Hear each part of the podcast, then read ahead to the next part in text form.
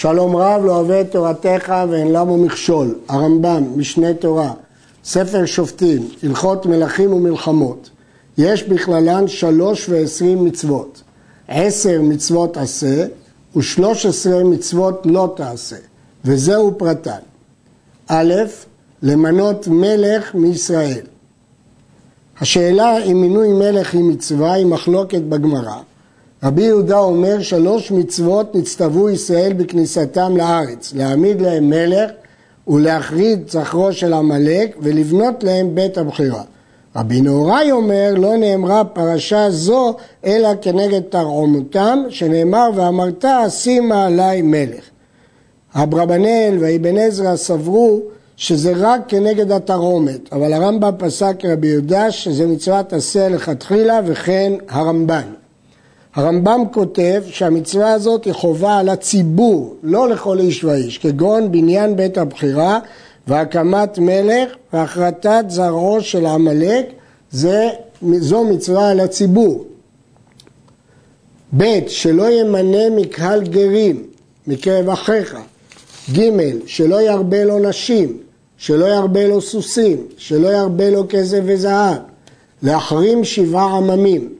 שלא להחיות מהם נשמה, למחות זרעו של עמלק, לזכור מה שעשה עמלק, שלא לשכוח מעשיו הרעים ועריבתו בדרך, שלא לשכון בארץ מצרים, לשלוח שלום ליושבי העיר כשצרים עליה, ולדון בה כאשר מפורש בתורה אם תשלים ואם לא תשלים. הרמב"ם כולל את הכל כמצווה אחת, שלא לדרוש שלום מעמון ומואב בלבד כשצרים עליהם.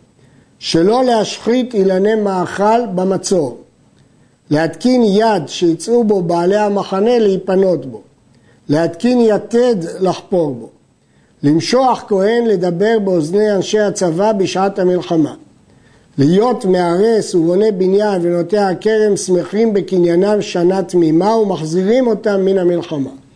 שלא יעבור עליהם דבר ולא יצאו אפילו לצורכי העיר וצורכי הגדוד ודומה להם. שלא לערוץ ולחזור לאחור בשעת מלחמה. דין יפת תואר, שלא תימכר יפת תואר, שלא יכבשנה לעבדות אחר שנבעלה. הרמב"ם מונה ביפת תואר כפי שנפרט לקמן שלוש מצוות. עצם ההגדרה של יפת תואר, איסור למכור ואיסור להתעמר בה לחופשה לעבדות. וביאור מצוות אלו בפרקים אלו. פרק ראשון שלוש מצוות נצטוו ישראל בשעת כניסתן לארץ. אמרנו שזה דברי רבי יהודה.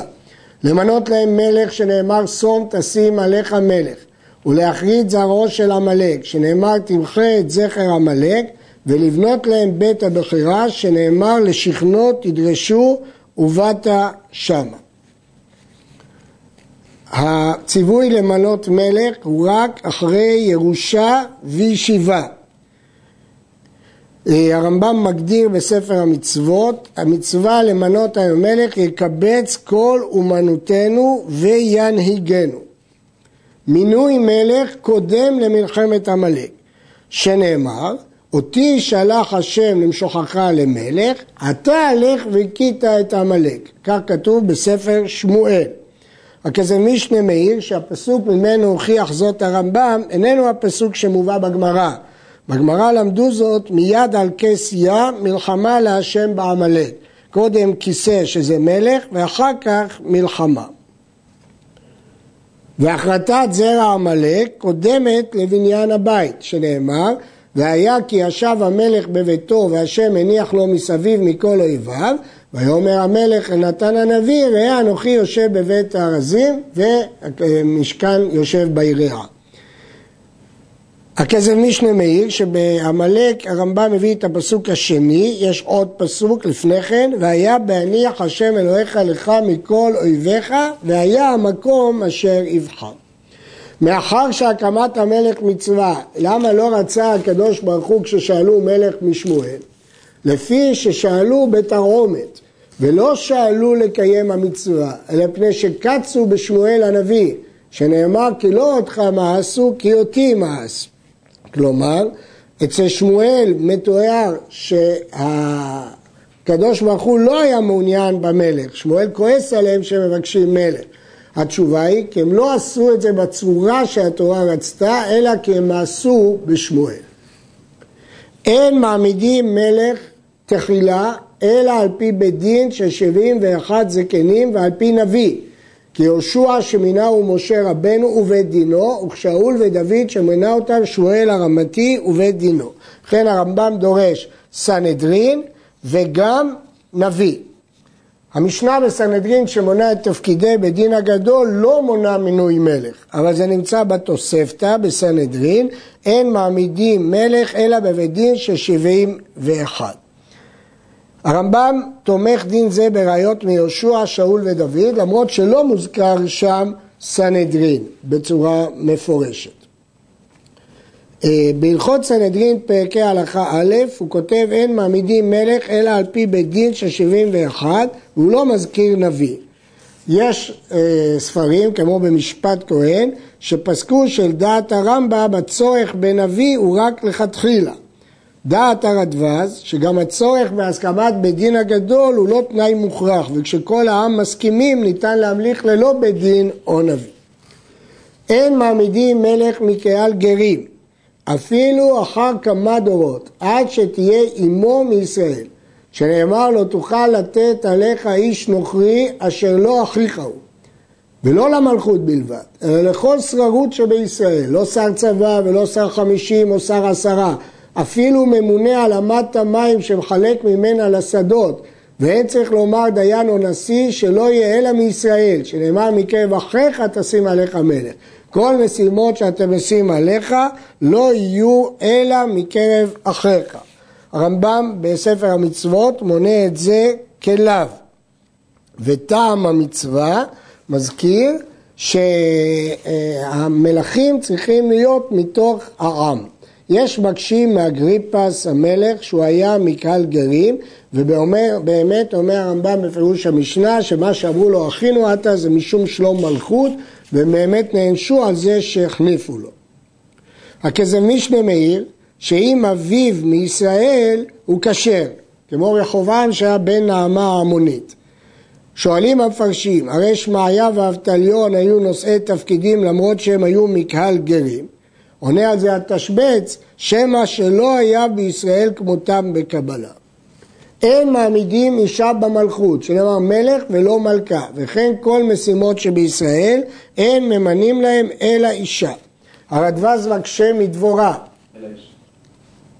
אין ממנים בהם אלא איש.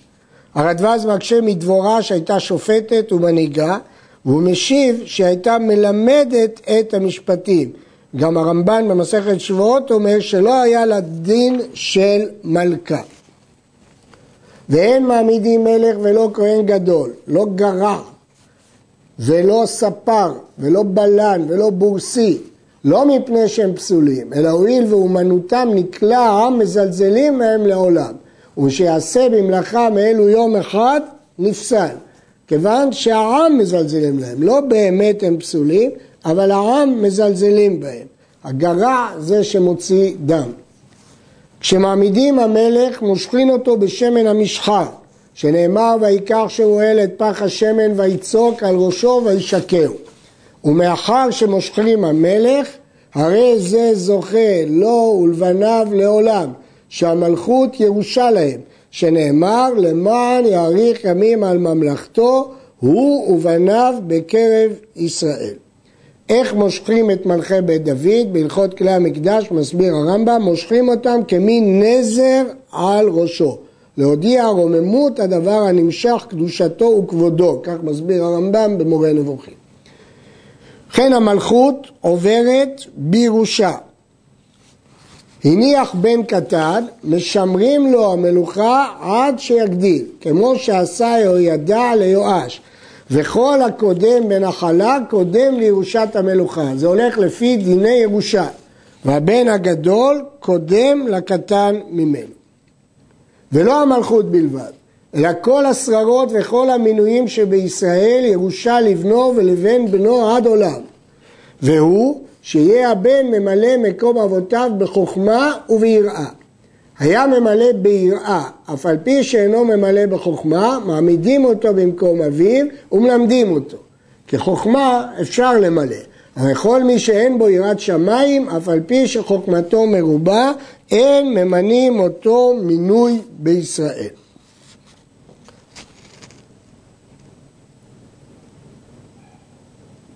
כיוון שנמשך דוד, זכה בכתר המלכות והרי המלכות לו לא ולבניו הזכרים הכשרים עד עולם, שנאמר כי שכה יהיה נכון עד עולם, ולא זכה אלא לכשרים, שנאמר אם ישמרו בניך בריתי.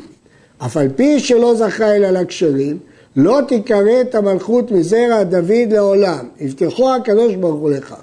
שנאמר אם יעזבו בניו תורתי ומשפטי לא ילכו ופקדתי בשבט פשעם ובנגעים עוונם וחסדי לא אפיר מאמו. יש דיונים לגבי תפקידים אחרים שיש בהם שררה, מה עובר בירושה ומה לא, לגבי רב, שליח ציבור וכדומה. נביא שהעמיד מלך משאר שבטי ישראל, והיה אותו המלך הולך בדרכי התורה והמצווה ונלחם מלחמות השם, הרי זה מלך. וכל מצוות המלכות נוהגות בו. אף על פי שעיקר המלכות לדוד, ויהיה מבניו מלך, שהרי אחיה השילוני העמיד ירבעם, ואמר לו, והיה אם שמוע תשמע את כל אשר אצווך, ובניתי לך בית נאמן כאשר בניתי לדוד. ואמר לו אחיה, ולבנו אתן שבט אחד, למען היות ניר לדוד עבדי כל הימים לפניי בירושלים. הרמב"ם מוכיח מהפסוק שלמרות שמלכות דוד עומדת לעולם, אבל יכול להיות אם הנביא העמיד מלך משאר שבטי ישראל, גם הוא יש לו דין של מלך. אבל לא לעולם. מלכי בית דוד הם העומדים לעולם, שנאמר כסאך יהיה נכון לעולם, עד עולם. אבל אם יעמוד מלך משאר ישראל, תפסוק המלכות מביתו, שהרי לירובעם נאמר, אך לא כל הימים. אין מושכים מלכי ישראל בשמן המשחה, אלא בשמן אפרסמון, רק מלכות בית דוד בשמן המשחה. ואין ממנים אותם בירושלים לעולם, אלא מלך ירושלים מזרע דוד, ואין מושכים בה אלא זרע דוד. כשמושכים מלכי בית דוד, אין מושכים אותם אלא על המעיין. למה? כדי שתימשך מלכותם כמו שהמעיין כל הזמן נמשך. ואין מושכים מלך בן מלך. אלא אם כן הייתה שם מחלוקת או מלחמה, מושכים אותו כדי לסלק המחלוקת. לפיכך משכו שלמה מפני מחלוקת אדוניה שהוא רע בלוחה ויואב, יואש מפני עתליה ומשכו יהואחז מפני רקים אחיו אז כל פעם שהיה ערעור אז צריך משיכה מחדש אבל אם אין ערעור ויש ירושה אז לא צריך יותר משיכה כי המלכות ירושה ולא באה עם משיכה. עד כאן